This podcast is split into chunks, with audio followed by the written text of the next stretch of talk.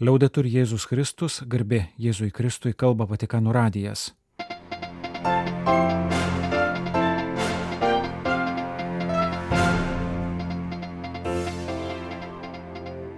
Malonus klausytojai šioje programoje. Bendrojoje audiencijoje popiežius kalbėjo apie kelionę į Marselį, Europos poreikį atgauti viltį, ragino rodyti evangelinį svetingumą ukrainiečiams. Romos viskupija laukia ekumeninio maldos už sinodą susitikimo dalyvių. Šventojo sosto diplomatas perspėjo apie netikrą saugumą. Palaimintojo Jono Pauliaus I mokymas vienu sakiniu.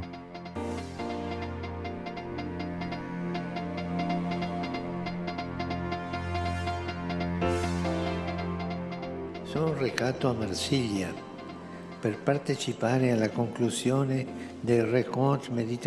Rugsėjo 27 dienos bendrojoje audiencijoje Pranciškus kalbėjo apie prieš keletą dienų įvykusią kelionę į Marselį, pietų Prancūzijos ostamestį, kur jis prisidėjo prie iš visų viduržėmio jūros regiono kraštų atvykusių delegacijų. Kartu kalbėjo apie šio regiono gilę civilizaciją, religinę ir kultūrinę įvairovę ir apie ateities, ne konflikto, bet vilties, iššūkį, priminantį kitus panašius iššūkius pasaulyje. Marselėje vykęs renginys buvo pavadintas Vilties mozaika. Tokia yra svajonė, toks iššūkis.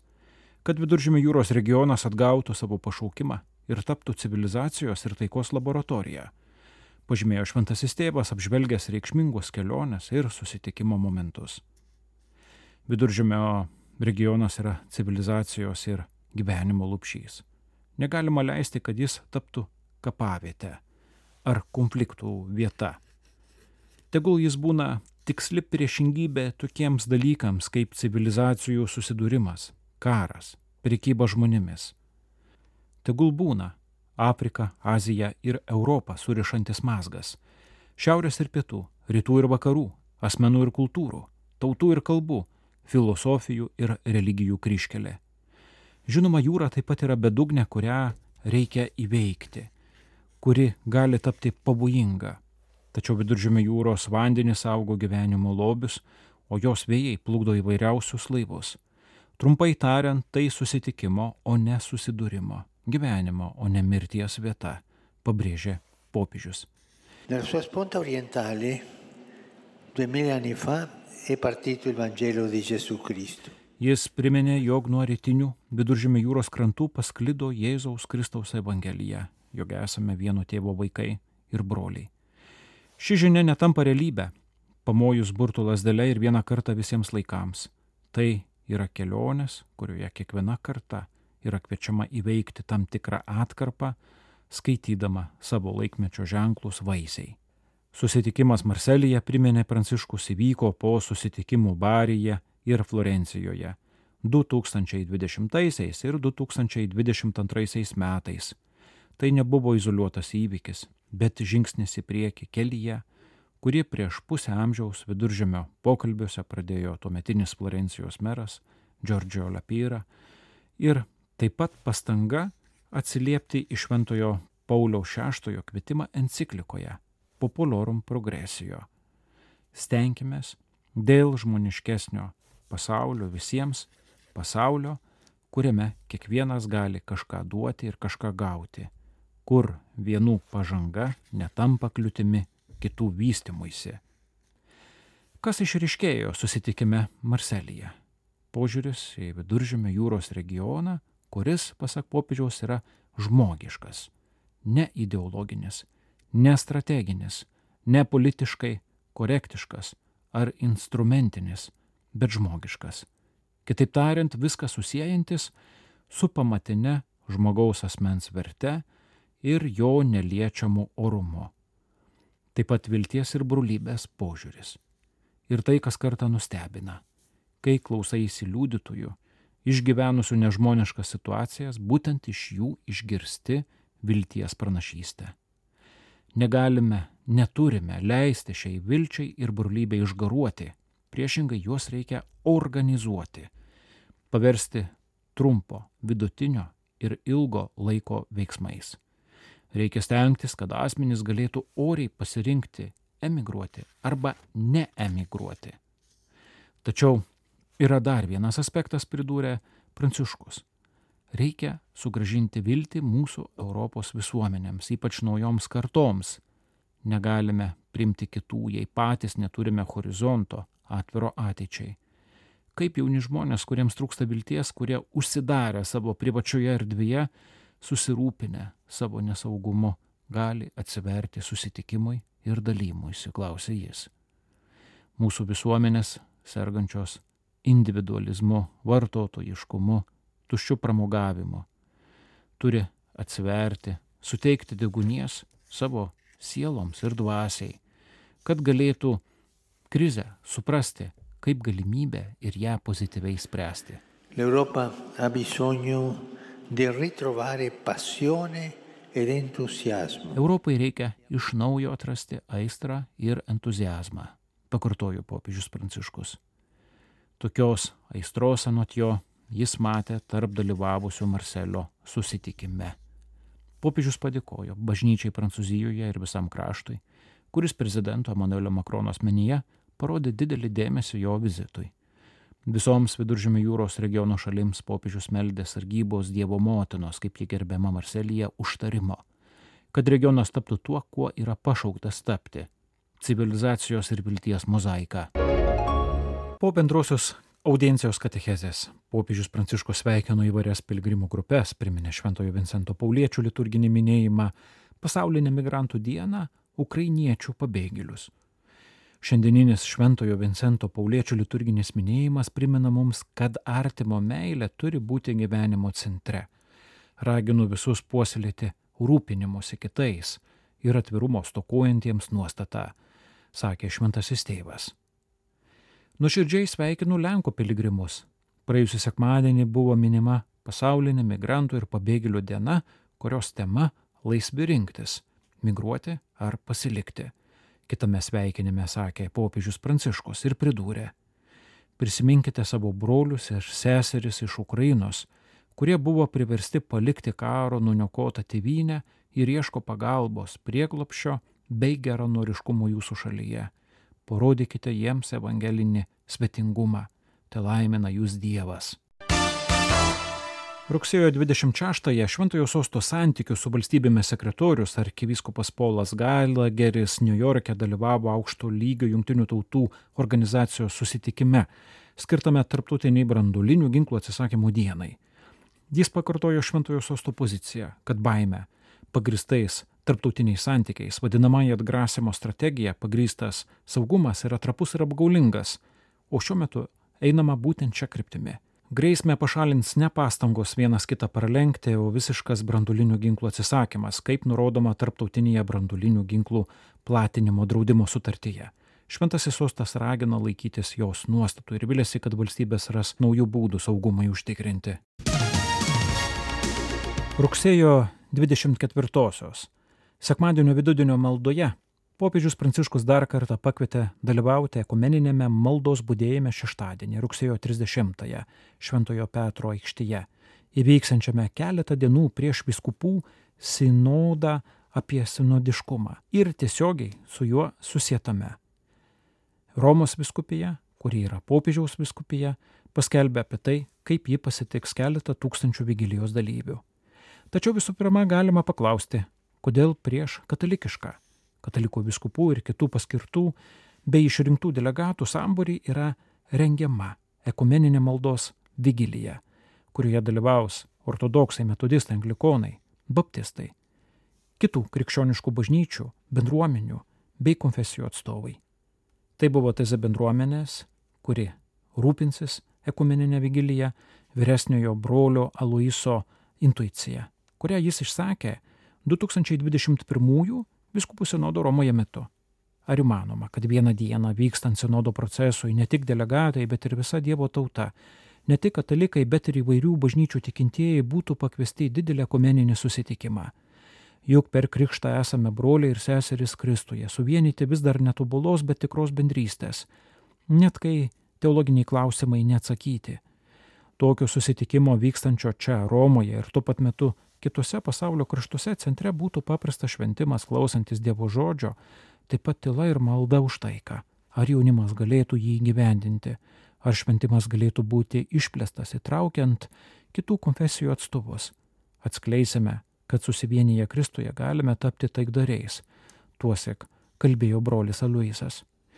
Popiežius jo intuiciją priemė ir kai 2022 sausio 15 paskelbė apie būsimą ekumeninį susitikimą, pasakė, kelias į krikščionių vienybę ir bažnyčios sinodinio atsivertimo kelias yra susiję.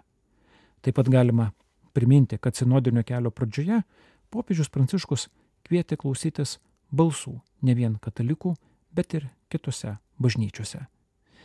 Pasak Romos viskupijos, apie 80 jos teritorijoje esančių parapijų, juose gyvenančios šeimos ir vienuolių bendruomenės atveria duris 3000 užregistruotų ekumeninio susitikimo dalyvių, kurie atvyks ne vien iš Europos, bet ir kitų žemynų - Egipto, Vietnamo, Junktinių Amerikos valstijų, Korejos. Visi iš toliau atvykę Romą pasiekti ir įsikurti, joje jau turėtų penktadienį, rugsėjo 29-ąją. Taip pat karštai kviečiami dalyvauti visų Romos biskupijos parapijų tikintieji, ypač jaunimo grupės. Susitikimo Šventojo Petro aikštėje rengime BTZ bendruomenės ir Romos viskupijos dalyvavo popiežiškoje krikščionių vienybės dikasterija ir pasauliečių šeimos bei gyvybės dikasterija. Pasak ekumeninio maldos būdėjimo interneto svetainės Together 2023, šeštadienis prasidės ko net 30 tematinių diskusijų įvairiose Romos miesto vietose. Prieš vidudienę ekumeninės maldos dalyviai susirinks prie popiežiškosios Šventojo Jono Laterane bazilikos, kuri galima priminti yra popiežiaus Romos vyskupo katedra. Aikštėje prie bazilikos, pačioje bazilikoje bus gėdama, meldžiamasi. Vėliau pietaujama. Apie 15 val. visi leisis į 6 km žygį nuo Šventojo Jono Laterane bazilikos iki Šventojo Petro bazilikos. Juk sinodas kilęs iš graikiškų sinhodos eiti kartu. O ši reikšmė skamba ir pačios ekumeninės vigilijos pavadinime anglų kalba - together - kartu.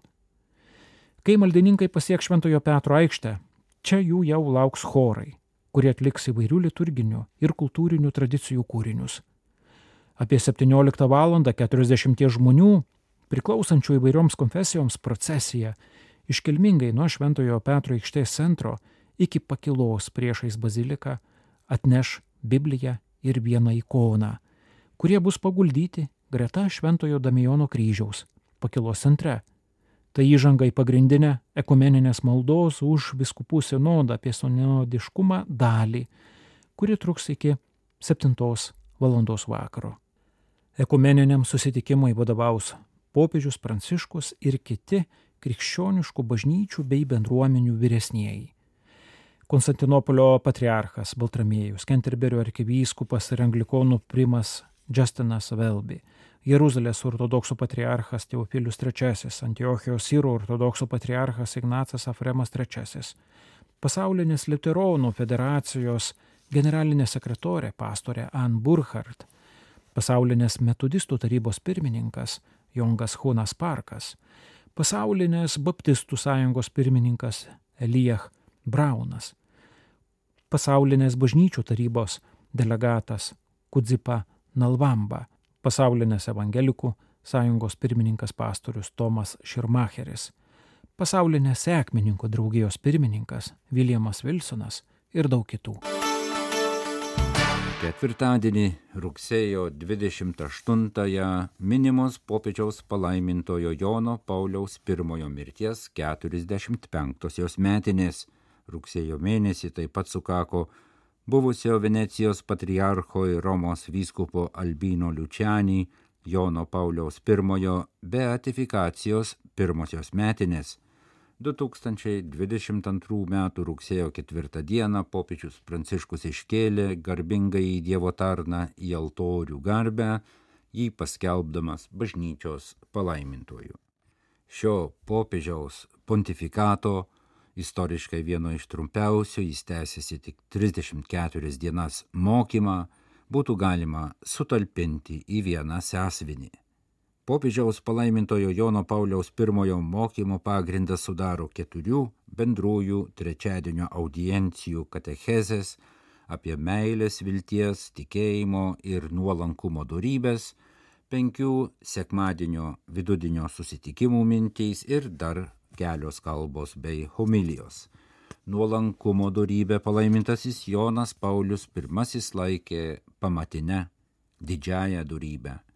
Kai 20 metų anksčiau tapo vyskupu ir galėjo rinktis kokį šūkį įrašyti į savo vyskupystės herbą, Albino Liučianį nedvėjodamas įrašė nuolankumo darybę išreikšta lotyniškų žodžių humilitas, kurią laikė viso savo gyvenimo programa. Katechezėse popiežius palaimintasis Jonas Paulius I kalbėdavo be parengto teksto gyvai, atmintinai cituodavo gana ilgus savo pirmtakų ir garsiųjų rašytojų tekstus arba iliustruodavo savo mintimis ir gyvenimo patirtimis, Kartą kalbėdamas apie nuolankumo darybę net įspėjo, jog yra pavojus, kad bus nesuprastas. Pirmojoje savo katechezėje, priminęs tai, ką viešpats labai karštai paragino, kad būtume nuolankūs, palaimintasis Jonas Paulius pirmasis Jėzaus žodžiais ragino, net jei esate atlikę girtinų darbų, sakykite, esame neverti tarnai ir pridūrė, tačiau iš tikrųjų visi mes linkstame daryti priešingai, norime būti matomi. Būkime maži, maži. Tai mums visiems svarbi krikščioniška dorybė, patikino popiežius. Visą popiežiaus palaimintojo Jono Pauliaus pirmojo mokymą galima apibendrinti keliais trumpais sakiniais sako jo buvęs asmeninis sekretorius, Donorione kongregacijos misionierius tėvas Diego Lorenzi. Dvasininkas buvo greta Albino Lučianį kiek daugiau nei paskutiniuosius du jo gyvenimo metus Venecijos patriarchate ir po išrinkimo popiežiumi Romoje. Po popiežiaus mirties sekretorius sugrįžo į savo kongregaciją, kurį laiką tarnavo misijose Filipinuose, paskui Afrikoje ir Indijoje. Tėvas Diego Lorenzi viename susitikime su Donorione kongregacijos misionieriais prisiminė palaimintojo Jono Pauliaus pirmojo kalbą, kurios ištrauka anot jo susumuoja viso pontifikato žinę Dievo nenykstanti meilė skirta kiekvienam iš mūsų. Patikino popiežius palaimintasis Jonas Paulius I 1978 m. rūpiučio 10 d. sekmadienio vidudinio maldos susitikime ir pridūrė, žinome, Dievas visada žvelgia į mus net tada, kai atrodo, kad užėjo naktis. Jis yra tėvas, dar daugiau, jis yra motina.